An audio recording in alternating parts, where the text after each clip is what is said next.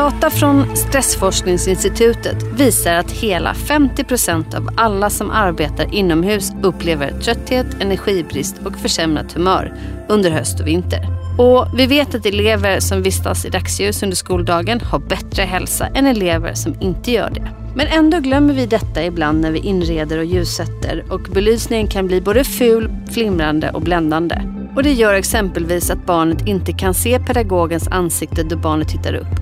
Och när barnet inte kan tolka pedagogens ansiktsuttryck i en lärsituation så hämmas också kontakten mellan barn och pedagog. Det är med andra ord viktigt att beakta ljusproblematiken ur fler aspekter än exempelvis energibesparing. Man måste också tänka på kroppens behov och hur den påverkas av bristande eller felaktigt ljus.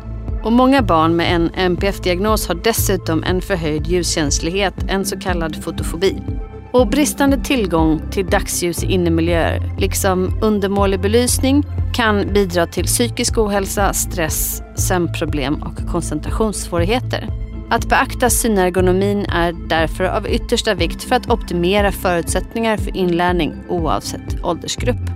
I dagens avsnitt av Lärmiljöpodden pratar vi om hur vi kan se till att planera för det bästa möjliga ljuset i de skolor vi bygger, om olika slags ljus och vad man ska tänka på när man handlar upp ljus eller byter ljus i en befintlig skola. Vad säger ljusdesignen och vad säger arbetsmiljölagen och forskningen? Nu kör vi!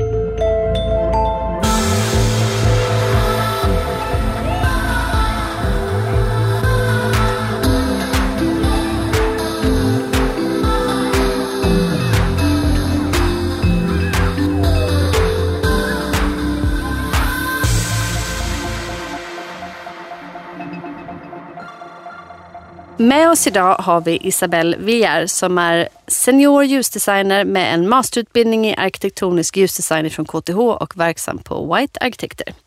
Isabelle har varit sakkunnig i den nya handboken som heter God inomhusmiljö i skola och förskola som gavs ut av Länsstyrelsen i Dalarnas län 2020. Välkommen Isabelle! Kul att ha dig med. Tack! Hur är läget? Det är bra. Det är bra? Det är bra. Ja. Vi kör på svenska idag. Du brukar prata spanska och engelska. Engelska eller italienska ibland. Eller italienska. Ja, vi kör på svenska idag. När vi ska prata lite grann om ljus, mm. som jag vill lära mig mer om. Kan inte du berätta, hur började det? Vad, vad bottnar ditt intresse i ljus i? Alltså, jag växte upp i södra Chile, nära Patagonien faktiskt. Och eh, medan jag studerade mitt första examen i industridesign i Santiago kom jag in på eh, problematiken människor eh, som lever i osäkra förhållanden har när det gäller dagsljus mm. eller tillgång till dagsljus. Du tänker på kvällen i mörker och så? Ja, precis. Men också alltså, man, man skulle tänka att dagsljuset inte skulle vara något stort problem. I Chile? Eftersom, ja, mm. och eh, eftersom också det är en av de resurserna som eh, finns i naturen eller vi får från naturen som inte kostar pengar. Mm. Men för alltså väldigt många, det, det är oftast en fråga om att välja om att ha värme eller ljus. Mm. Eftersom de flesta inte ens har råd för att uh, betala för riktiga fönster till mm. exempel. Så då insåg jag att jag saknade kunskap om hur man kan arbeta med dagsljus. Mm. Och eh, också hur dagsljus påverkar oss. Eh, hur dagsljus påverkar vår hälsa och eh, bland många andra saker. Mm. Så jag googlade Daylight Course in English. Wow! Och eh, hamnade i Sverige. Ja, precis. Fantastiskt. Så KTH kom upp. Ja. Och eh, fast forward, mm. tre månader efter var jag här i Stockholm. Mm. Och eh, jag har nog bott här i över 14 år mm. och jobbat som ljusdesigner. Mm. Alltså, det är en väldigt bra påminnelse för jag tänker just då ljus kopplat till lärande. Eh, att i, i, mindre bemedlade områden så är det precis som du beskriver. Mm. Eh, att välja, ska man vara varm eller ska man se? Ja. Och för läxläsning Eh, för många barn i stora delar av världen så är det svårt eftersom man inte har tillgång till ljus på kvällen. Precis. Mm. Eh, men om vi då kastar oss tillbaka till Sverige. Mm. Och din profession och det du jobbar med till vardags. Vad är de största utmaningar för dig som ljusdesigner här? Alltså jag tror att um, som ljusdesigner finns det ingen annan plats i världen där vårt yrke är mer utmanande mm. och betydelsefullt än här i Norden. Eh, om man tänker på de korta och mörka dagarna mm. vi har på vintern mm. och de ljusa och långa dagar vi har på sommaren.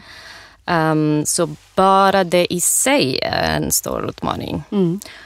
Sen eh, kan tänka jag också på alltså kunskapsbristen om värdet av en bra ljusmiljö. Mm. Så är en utmaning. Att kunderna inte förstår att man måste ta ljus på allvar. Mm. Och att det finns eh, specialister med kunskap som kan bidra till projekt genom, genom att skapa bättre miljöer för människor att trivas i. Mm. Och att det inte betyder att det kommer kosta mer pengar, för belysning behövs ändå. Mm. Um, så det, man måste bestämma sig om man vill göra, um, vill göra den så bra som möjligt. Mm. Um, med hänsyn till alla förutsättningar mm. projekten har. Mm. Men, eller om man vill göra det lagom eller lagom dålig. Um, vad är din erfarenhet alltså, i de projekten du har jobbat med? Hur pass, vilken nivå har, brukar det ligga på? Brukar det vara liksom, avancerad beställning eller brukar det vara typ mellannivå eller låg nivå? Hur, hur brukar det se ut? Alltså jag tror att um, min erfarenhet de första åtta år jag jobbade i en um, ljusdesignstudio och projektet vi hade där var alltså den top notch. Mm. Alltså de beställare som hade redan bestämt att, mm. att de ville satsa på belysning. Mm. Um, men det var kanske bara ett år sedan som mm. jag kom in i skolmiljöer mm. som är mm. kanske en av de viktigaste. Eller hur? Det tycker jag också. Uh, miljön man behöver jobba med belysning. Så. Men då kopplat till lärmiljö, vad är det viktigaste värdet av ljus i, i lärmiljö? Ja, och det är en jättebra fråga. För att uh, alltså man måste förstå att ljuset inte bara bidrar till synen. Mm. Utan ljussignaler skickas också vidare till delar av hjärnan som styr produktionen av olika hormoner. Kortisol exempelvis, som gör oss piggare. Mm. Uh, och detta betyder att ljuset, eller brist på det, mm. och jag menar med det både dagsljus och belysning, påverkar vår hälsa och vårt uh, välbefinnande både utifrån biologiska och psykologiska faktorer. Mm. Och i dagsläget spenderar vi mer än 90 procent av vår tid inomhus. Mm. Alltså vi vistas mindre utomhus än någonsin. Ja, och jag tänker med coronan så har ju det liksom amplifierats ännu mer. Jag ja. kan komma på mig själv att inte ha varit ute på tre dagar. Precis. Och det, alltså så, det ljuset vi är exponerade för i inomhusmiljöer, det har stor påverkan och betydelse för mm. oss. Mm. Jag tänker också det här med barns, om man har ljus på fel plats, att det på något sätt kan skugga en lärares ansikte så att man som litet barn kanske tittar upp och inte kan se. Precis, och i skolor det är inte ovanligt att eh, man har så felaktig placering på armaturer och flimmer och eh, och, eller bländning från belysning, mm. vilket har visat sig ha negativa effekter för hälsa mm. och inlärning. Mm. Och den här handboken då som du har varit med och skrivit ett kapitel i, eller hur? Mm. Tillsammans med eh, en kollega av mig som är mm. dagsljusspecialist. Mm, mm. Eh, hur kom det sig att ni blev involverade? Var det Dalarnas länsstyrelse som hörde av sig till White eller hur, hur kom du in på projektet? Ja, alltså handboksresan påbörjades med att vi stötte på en upphandling från Dalarnas län mm, mm. där ljud, luft och ljusspecialister efterfrågades mm, mm. för ett projekt som mm. handlade om planering av en god inomhusmiljö och energieffektivisering. Så vi skickade bara vårt uh, anbud mm och erbjöd uh, vår inhouse-kompetens. Mm. Och den kan vi berätta är väldigt bra utifrån ett beställarperspektiv mm. också för den har handfasta råd i vad man ska tänka på när man upphandlar ljus. Precis. Mm. Precis. Så i, i början visste vi inte att projektet handlade om att skriva en handbok. Um, Gud vad spännande, så det blev en bonus. bonus. Och om ni kan föreställa er, alltså, det är en av de svåraste uppgifter man kan ha. Ja. Alltså att försöka sammanfatta på ett visst antal sidor något så komplicerat. Mm. Mm. Um. Komplicerat, för då när jag läste det kapitlet inför att vi skulle ses idag så tänkte jag så här, okej okay, jag ska försöka komma ihåg de här sakerna och de här sakerna. Och tänkte jag så här, att det blev, blev ju bara uppenbart av att läsa där mm. att man behöver en ljuskonsult ja, i sina ja. uppdrag. Och det, jag tror att det är hela syftet med handboken, alltså att man vill man satsa på bra inomhusmiljö, mm. då behöver man ha någon som kan ljus och man behöver ha någon som kan ljud och som kan luft också. Precis, och då också knyta kunskapen om ljus till olika skeden i projektet. Precis. Eh, och då jobbar du till exempel med olika programvaror där du tittar på ljussimuleringar och reflektioner och så tidigt? Ja, alltså det är en kombination av um, aspekter som är mätbara och vissa som man kan inte mäta, som är den upplevelsen mm. i rummet. Mm. Och uh, till exempel om olika ljusscenarier kan uh, anpassas efter olika aktiviteter eller så. Mm. Mm. Alltså det, det är någonting man kan utvärdera när man är på plats. Mm. Men det är alltså en del av just designkoncepten man skapar för ett skola. Mm, mm. Du, om du skulle skicka med dina tre bästa råd till de som ska bygga en ny skola eller handla upp ljus för en ombyggnation. Det är mycket gamla armaturer som behöver bytas. Mm. Kan man byta bara ljuset eller måste man byta armaturen eller hur gör man? Liksom? Vad är dina bästa råd för nybyggnation och ombyggnation? Uh, det första och viktigaste är att upphandla, skulle jag säga, en konsult som har rätt ljuskompetens till mm. projektet. Mm.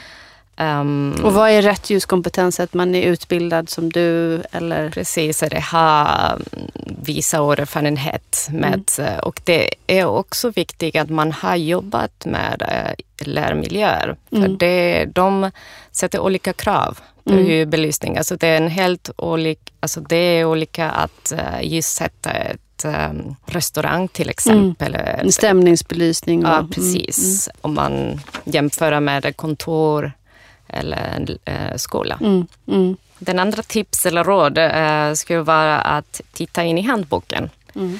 Och vi skrev en eh, lista med övergripande rekommendationer för mm. både dagsljus och belysning mm. gällande både nybyggnationer och eh, ombyggnationer. Mm. Eh, alltså vad man måste tänka på. Mm. Till exempel att använda indirekt ljus och direkt ljus i kombination och att säkerställa att eh, armaturerna inte ersätts av andra produkter mm. Eh, som har sämre kvalitet mm, till exempel. Mm, mm, det här med då lärmiljö kopplat till ljus och att man har sånt krav på flexibla lösningar, mm. flexibilitet liksom. Mm. Eh, hänger ljusinstallationerna med i den liksom, flexibilitetsdebatten? det här med att ha flexibel belysning som man kan höja och sänka eller flytta eller hur man tänker? Uh, alltså det är en utmaning mm. att, med belysning, mm. att uh, göra det 100% flexibelt. Mm. För att än så länge el är fortfarande inte wireless på Nej. något sätt. Nej. Så man behöver ha kabel och, och så. Så mm. det går inte att bara flytta armaturer hit och dit. Men det finns mycket som kan göras. Mm. Och, uh, Alltså en av de största problemen med belysning i skolor är att man eh, ser Alltså den eh, ljusmatta som är den 500 lux ljusmatta mm. som finns överallt. Mm. Och eh, det är inte bra alltså, för inlärning att man har den monotona belysning. Nej. Så flexibilitet för oss också betyder att man kan ha olika ljuskaraktärer i ett rum. Mm. Så ibland är det inte att man kan flytta armaturen alltså, tio gånger per dag. Mm. Men det är också att man kan ha olika ljusscenarier. Mm. Och man kan ha spotlights till exempel, man kan ha de allmän belysning separat så man kan välja vilken stämning mm. man vill ha. Mm. Mm. Du, jag funderar på, jag blir jättenyfiken på ditt hem. Det är en privat fråga, men eh, är du en ljusnörd privat också? Är ditt hem liksom att du kan stämma, ställa in stämningsbelysning i alla hörn och vrår? Nej, och min man han jobbar också med belysning Wow. inom forskningsvärlden. Ja. Men, eh, men vi, jag har testat lite nu under coronatiden. Ja. Um, för jag insåg att eh, det räcker inte med bra dagsljus. Alltså, vi har jättebra dagsljus Mm. eh, hemma. Alltså typ dagsljusfaktor 3. Eh, så det är Du jättehögt. vet i alla fall vilken faktor ni har. Ja, ja, ja, ja, ja, vi gör en simulering. Ja. Men när det var molnig i november så räcker, alltså räckte det inte. Nej. Så jag köpte en lampa. En lampa som kan um, ändra färgtemperatur. Och jag har, alltså, jag har inte det nu med mig, men jag hade för ett år en ljussensor Mm. som uh, mäter ljusexponering till dagsljus Ja. och belysning. Runt din hals? Nej, alltså man, det är typ med en klipp. Ah, Så man kan se om man möter den eh, dagsljus, Behovet. alltså daylight goal och ja, eh, ah, den, gud vad spännande. Och Ja. det gör man såklart inte Nej. i november. så, så jag testade med den armaturen men, eh, och det hjälpte mig. Men alltså, jag kanske är lite bias också. det ska man prova till. Men alltså inte ljusnördar. Nej, in, inte ljusnördar. Ja, precis. Ehm, Isabelle, stort tack för att du var med idag. Tack själv. Jag tänker att vi lägger en länk till eh, den här handboken i programmet. Och ehm, jag har lärt mig massor. Ja, Tack. tack.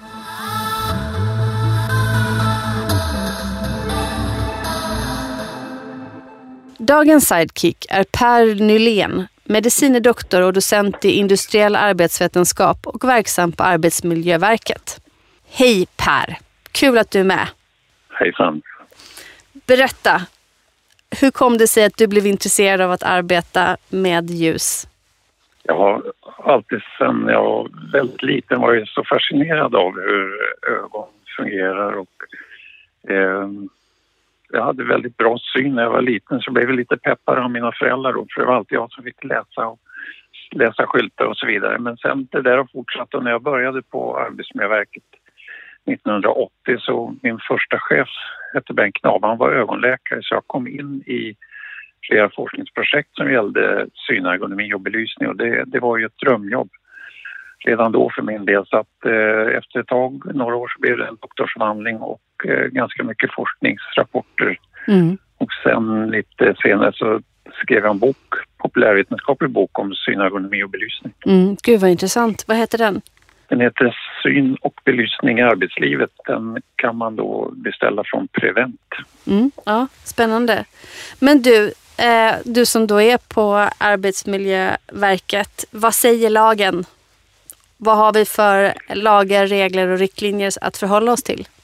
Ja, det är, arbetsmiljölagen är ju, det är ju den lag som våra föreskrifter bygger på så att egentligen så är våra föreskrifter bara förtydliganden av arbetsmiljölagen. Men eh, våra föreskrifter eh, de gäller ju faktiskt från årskurs noll, alltså förskoleklass. Mm. Eh, kraven på belysning det är inte som några uppfattar rekommendationer utan det är lagkrav. Mm. Eh, om man inte uppfyller våra föreskrifter så får man åläggande om att eh, rätta till och de riktigt allvarliga föreskrifterna till exempel om att man ska bära laserskyddsglasögon så, så kan man få en sanktionsavgift. Det är ganska kostsamt. Mm. Är företaget på 500 personer så, så är, är det 400 000 kronor om man, personalen inte har laserskyddsglasögon. Mm. Men då tillbaka till skolan och lärmiljö. Jag tänker att inom fysisk lärmiljö och, och arkitektur så pratar man väldigt mycket om en skola för var och en. Och jag funderar på, finns det krav på att belysningen ska passa så många som möjligt också? Eh, nej, det går faktiskt längre än så. Det är så att eh, alla arbetstagare och elever har rätt till en belysning som passar just dem. Mm. Så att det är inte så att man ska ha en medelbelysning som passar de flesta utan det är alla har rätt till en individuellt anpassad belysning. Mm. Så har man till exempel synnedsättningar eller vi som är, är äldre så har vi rätt till att få extra mycket ljus om det är så att man behöver det. Mm, mm. Och, och där kommer ju liksom, apropå koppling till ljus då, eh, det finns många standarder om belysning. Är det också ett lag, lagkrav? Standarder är rekommendationer men de är ju oftast, eller alltid ska jag nästan kunna säga, skrivna av kloka och erfarna personer som har lång erfarenhet inom, inom området och eh, vi refererar ibland till eh, standarder när vi då vill ge riktvärden för vilka belysningsstyrkor som behövs på olika typer av arbetsplatser. Mm. Om man vill avgöra hur mycket, om det finns tillräckligt med dagsljus så kan man hitta riktlinjer i, i standarder. Mm. Eh, och eh, det här med att ställa krav då på belysning, att den ska vara av god kvalitet. Vad, vad innebär det i praktiken? God kvalitet, ja, det, det kan ju låta lite svampigt men eh, det vi eh, menar belysning av god kvalitet det är att man har tagit hänsyn till eh, belysningsstyrkan, att det är tillräckligt mycket ljus för att man ska se arbetsuppgiften på ett bra sätt. Att eh, armaturerna inte får blända. Alltså, det, bländning är nästan det vanligaste synergonomiska bristen på våra eh, arbetsplatser i skolan. Att eh, man blir bländad och blir man bländad så dels så kan det ge ögonbesvär men det blir också så att man försöker undvika att bli bländad. Man mm. vrider sig åt sidan, man sitter fel eller står fel.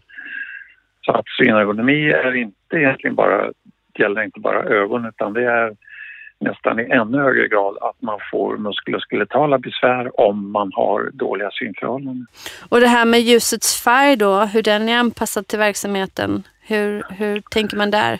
Om man jobbar eh, utomhus så är det ju inte så mycket man kan göra åt ljusfärgen men det finns ju då eh, här lågtrycks natriumlampor och, och annat som ger ett väldigt rött ljus och det är, eh, det är billigt ljus men det är samtidigt så de flesta arbetsuppgifter kan man inte lösa i ett, det rödfärgade typ motorvägsljuset. Mm. Så man kan inte sätta in det i en skolsal för att sänka energikostnaderna utan det ska vara ett ljusfärg på en ljus...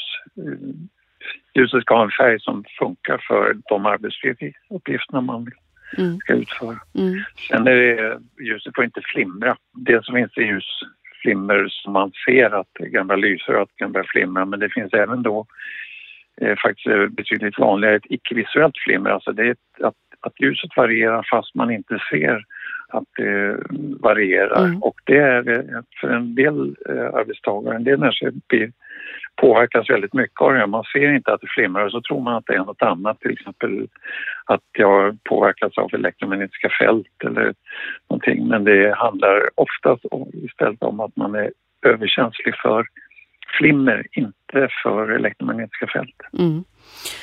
Du, jag tänker då det här med ljus och kopplat till kognition och eh, en lärande situation. Det här med att kunna vara vaken och kreativ under skoldagen. Man brukar säga att eh, arkitekturen är upp till 16 procent av inlärningen. Finns det någon motsvarande eh, uppskattning gällande ljusets, hur, hur, hur avgörande ljuset är för inlärning i en lärsituation? Det, det, vi vet om dagsljuset är att det är överlägset på att sänka sömnhormonet melatonin. Så att om man sitter mot tillräckligt dagsljus så kommer man att bli tröttare med nödvändighet. Mm. Det här är ju en tanke för överlevnaden då att när dagsljuset försvinner så ska vi faktiskt gå till vila och sova. Mm. Så att eh, det är då för lite, när dagsljuset minskar så blir vi tröttare. Mm. Men när dagsljuset kommer ska vi vara aktiva och eh, då har man sett att i skolmiljöer så är både lärare och elever har en bättre vakenhet och kreativitet om de har tillgång till dagsljus och utblick. Mm. Eh, så att om eleverna är vaknar och trivs bättre så är det även positivt för lärarna. Det blir en bättre en bättre situation, inte lika stökigt. Jag, jag, tänker också att det här att kunna ha en flexibel belysning i den bemärkelse att man kan ha, liksom, öka belysningen och sänka belysningen för att till exempel liksom, när man sänker belysningen skapa mindre, alltså högre koncentration och mindre buller. Finns det en korrelation där med hur man eh, beter sig kopplat till liksom, ljus?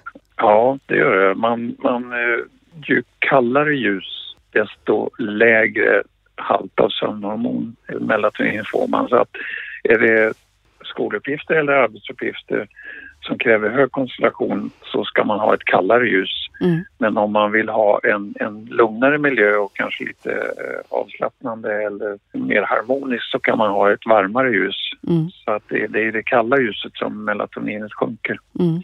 Så fram på kvällen ska vi ha ett, ett, varmare ljus för att då ska kroppen förbereda sig på att gå till vila. Så idealiskt skulle man vilja ha ett ljus som förändras på samma sätt som dagsljuset. Lite rödare på morgonen, kallare, lite blåare ljus mitt på dagen och sen att det återigen blir lite varmare, rödare ljus framåt kvällen. Du, hur, hur allvarlig är ljussituationen i Sveriges skolor? Det är dagsljusbrist på, på en hel del eh, platser. Mm. Det är utblicksbrist också och, och det här med utblick är väldigt skönt att kunna vila ögonen på på, på ett lite längre avstånd gör mm. att man inte behöver spänna sig och fokusera hela tiden utan ögonvila är viktigt och då gäller det att man har, faktiskt kan se ut och, och, spänna av. Mm. Eh, det finns eh, ganska dåligt ljus eh, i en del skolsalar när man har de här, monterat de här nya LED-plattorna mm. som alltså är som akustikplattor 60 gånger 60 centimeter. De här blir väldigt ljusa om man inte har något ljus även i taket och då mm. får man en bländning ifrån LED-plattorna så att det där hoppas jag att den trenden hoppas jag är över att man inte fortsätter att montera bländande LED-plattor i tak bara för att få ett eh, platta LED-mattorna som man brukar prata om. Mm. Du som sista... Mycket bättre med pendlade armaturer där mm. man har både upp och nerljus så att man får upp ett, ett ljusare innertak. Då blir inte eh, ljuskällorna i armaturerna lika bländande. Mm. Men jag funderar på det som sista fråga, det här med att se till att, att kraven uppfylls så att det blir bättre. Att man till exempel eh, kan få med de här, den här kunskapen som du berättar om. Eh, är det så att det alltid är eh, arbetsgivaren som ansvarar för att kraven uppfylls? Ja, det är arbetsgivaren som till 100 procent ansvarig för, för arbetsmiljön och att kraven i våra föreskrifter uppfylls. Mm. Eh, och då är, det är ju då oftast rektor som är eh, den som ansvarar på sin skola. Sen har man ju skolchefer och så vidare men, men rektor är normalt den som är ansvarig. Mm. Men sen ska man komma ihåg när man, när man planerar och prospekterar för nya skolor mm så finns det eh, sedan eh, årsskiftet i år ett, ett krav på att prospektering och nybyggnation ska, eh, ska göras på ett sätt som medger att våra krav kan uppfyllas. Det är väldigt dyrt och tidskrävande att bygga om lokaler och sen kommer Arbetsmiljöverket dit och säger, att det här, det här uppfyller inte på lång, lång väg våra krav. Då blir mm. det dyrt och tidskrävande att bygga om. Mm. Det får bli ditt sista råd till oss idag. Per, stort tack för att du var med oss idag. Det har varit jättespännande att lyssna på dig. Tack själv. Tack. Lärmiljöpodden är en podd av OVL Arkitekter. Och idag har vi lärt oss mer om ljus och varför det är så viktigt att beakta i våra lärmiljöer, den vetenskapliga grunden samt de arbetsmiljölagar som vi faktiskt måste beakta. Det var allt från oss idag. Glöm inte att följa oss i sociala medier under hashtaggen lärmiljöpodden och på awlark.se. Vi hörs nästa vecka.